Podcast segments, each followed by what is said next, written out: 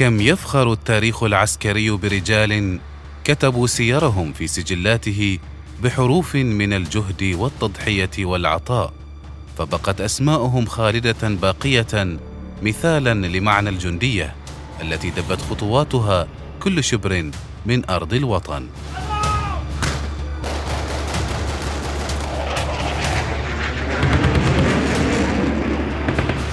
جنود برنامج أسبوعي نتعرف من خلاله على الجنود الذين ضحوا بحياتهم من أجل أوطانهم.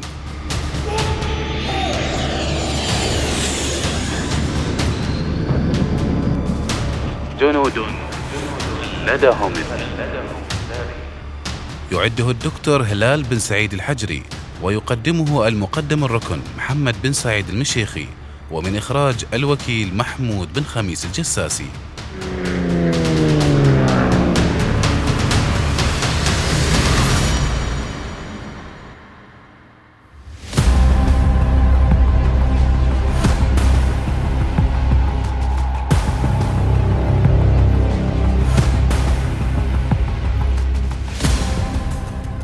جنود خلدهم التاريخ. هازل يانج لي.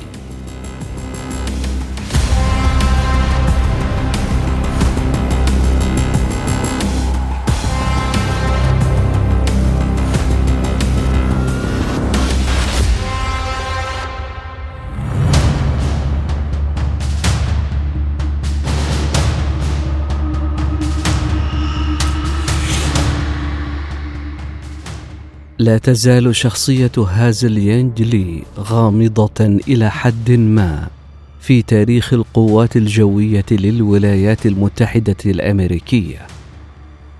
لكن دورها ودور زميلاتها في الطيران يستحقان بالتأكيد الاحتفال.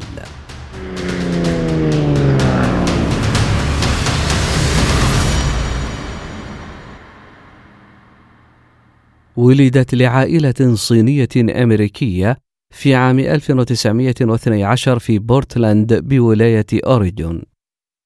عززت هازل أحلام الطيران منذ طفولتها المبكرة.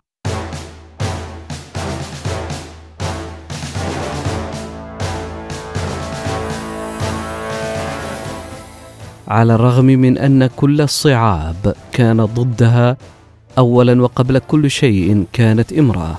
قبل الحرب لم تكن المرأة مناسبة للطيران في عرف الحكومة وعامة الناس. ثانيا جعل أصلها الصيني من الصعب أيضا أن تحلم بأحلام كبيرة. ومع ذلك بعد تخرجها في عام 1929 عملت هازل في وظيفة مشغلة مصعد في متجر متعدد الأقسام في مسقط رأسها. في ذلك الوقت كانت هذه الوظيفة واحدة من الوظائف القليلة التي يمكن أن تحصل عليها امرأة أمريكية من أصل صيني حيث كان من غير المعتاد أن تعمل النساء الآسيويات على الإطلاق.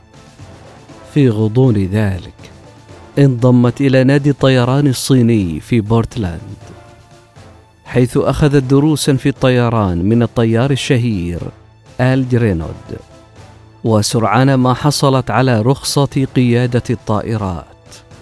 في عام 1932 كان أقل من واحد بالمئة من الطيارين في الولايات المتحدة من النساء. ويمكن أن تقول هازل بفخر إنها واحدة منهم. خلال ذلك العام غزت إمبراطورية اليابان منشوريا شمال غرب الصين. على الرغم من دعوات عصبة الأمم لوقف عملياتها العسكرية فيما كان ينظر إليه على أنه احتلال غير شرعي واصل اليابانيون التوغل في عمق الأراضي الصينية واحتلال مقاطعة جيهول في العام التالي.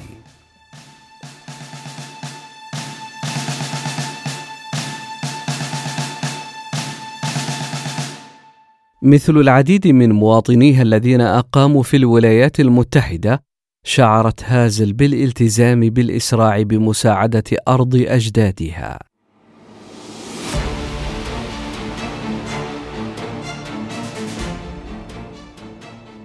حاولت الانضمام إلى القوات الجوية الصينية في عام 1933 على الرغم من أنها كانت في حالة من الفوضى في ذلك الوقت.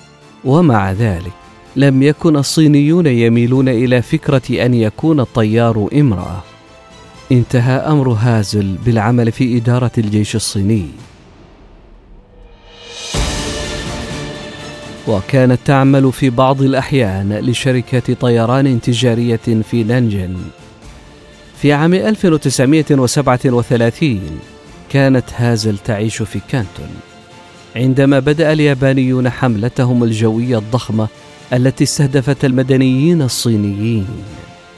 خلال هذه الغارات وقعت مذبحة نانجينج سيئة السمعة بعد أن شهدت أهوال الغزو الياباني مباشرة قررت هازل العودة إلى أمريكا.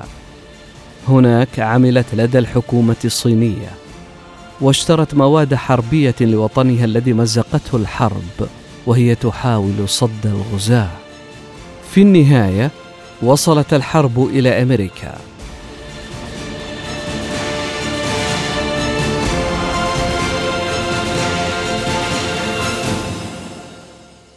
في عام 1941 بعد قصف بيرل هاربور أدركت القوات الجوية للجيش الأمريكي أنها ستحتاج إلى كل طيار قادر على القتال في المعركة القادمة. ترك الطلب على الطيارين المقاتلين مساحة للمرأة للمشاركة.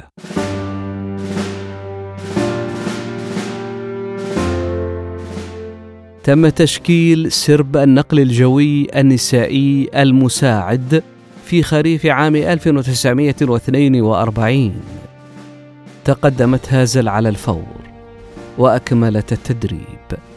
لتصبح إحدى امرأتين فقط من أصل صيني الأخرى هي ماجيجي في المنظمة التي يبلغ عددها 1074 طيارا.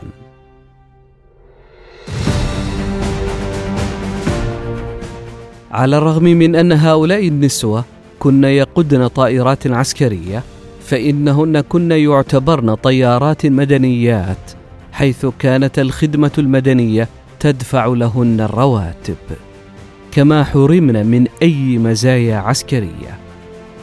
واضطررن لدفع ثمن الإقامة والطعام والزي الرسمي وكن يتقاضين اجورا أقل من نظرائهن من الرجال. على الرغم من أن النساء خضعن لنفس التدريب مثل الرجال فإن رؤسائهن لم يثقوا بهن. وكان عليهن إثبات جدارتهن. تم إرسالهن فيما يسمى بمهام البقاء بين عشية وضحاها والرحلات الشتوية في طائرات قمرة القيادة المفتوحه كانت ساعات عملهن مرهقة في أسبوع كامل لكن دورهن كان حاسما في الحفاظ على تشغيل محركات آلات الحلفاء الحربية. نقلت هازل إلى مجموعة النقل الجوي الثالثة في رومولز بولاية ميشيغان. هناك قامت بتسليم الطائرات المصنعة في مصانع السيارات المحمولة إلى نقاط انطلاق مختلفة تم شحنها منها إلى مسارح الحرب في أوروبا والمحيط الهادي. بحلول سبتمبر من عام 1944 أصبحت هازل طيارا متمرسا. كانت جديرة بالثقة ومخلصة.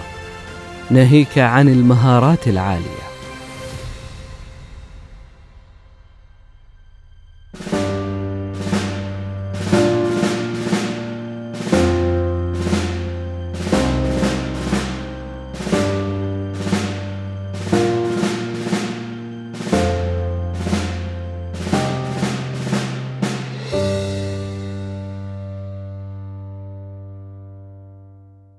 نظرا لقدراتها المتطورة في الطيران أرسلت إلى مدرسة بيورسويت في براونزفيل بولاية تكساس. هناك تدربت على الطيران بشكل أسرع ومقاتلات عالية القوة. لسوء الحظ في نفس العام قابلت وفاتها المفاجئة في العاشر من نوفمبر. تلقت هازل الأوامر التي أصبحت مهمتها الأخيرة. كان عليها أن تطير طائرة من طراز بي 63 من مصنع بيل للطائرات في شلالات نياجرا في نيويورك وتسلمها إلى جريت فولز في مونتانا. كانت جريت فولز هي نقطة الربط التي تم من خلالها إرسال الطائرات المعينة إلى الاتحاد السوفيتي عبر ألاسكا كجزء من برنامج الإعارة والتأجير بسبب تأخيرات الطقس وسوء التوقيت. استقبل مطار جريت فولز عددا كبيرا من الطائرات جميعها في نفس الوقت. ضرب الارتباك والذعر برج المراقبة. بينما كان الطيارون ينتظرون التخليص على الأرض ونتيجة لغياب التنظيم. اصطدمت هازل بطائره أخرى أثناء محاولتها الهبوط. اشتعلت النيران في طائرتها وعلى الرغم من إجلائها لم يكن هناك شيء يمكن أن يفعله الأطباء لإنقاذها. توفيت متأثرة بجراحها بعد يومين في سلسلة من الأحداث المؤسفة. فقد شقيقها فيكتور الذي كان يعمل سائق دبابة في فرنسا حياته بعد ثلاثة أيام فقط من إبلاغ عائله لي بوفاة هازل. كانت هناك قضايا تتعلق بدفن الشقيقين حيث تم شراء قطعة أرض لهما فيما يسمى القسم الأبيض في المقبرة. بعد معركة طويلة مع المسؤولين انتصرت عائلتها. ودفنت هازل يينغ لي دون تكريم عسكري إلى جانب شقيقها في مقبرة ريفر فيو في بورتلاند بولاية أوريجون. وهكذا أصبحت هازل من الجنود الذين خلدهم التاريخ.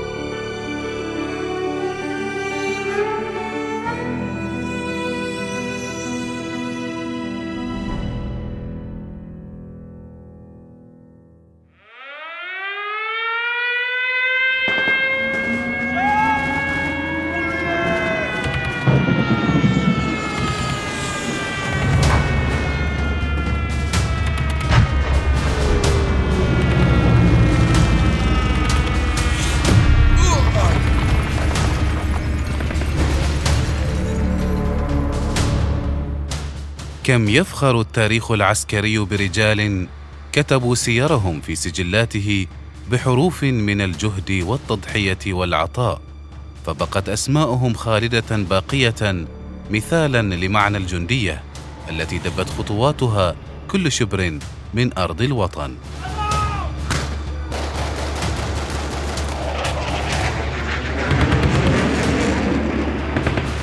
جنود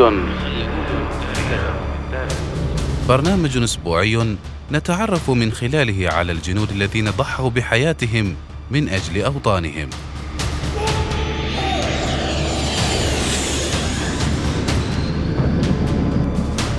جنود لدهم. يعده الدكتور هلال بن سعيد الحجري ويقدمه المقدم الركن محمد بن سعيد المشيخي ومن إخراج الوكيل محمود بن خميس الجساسي.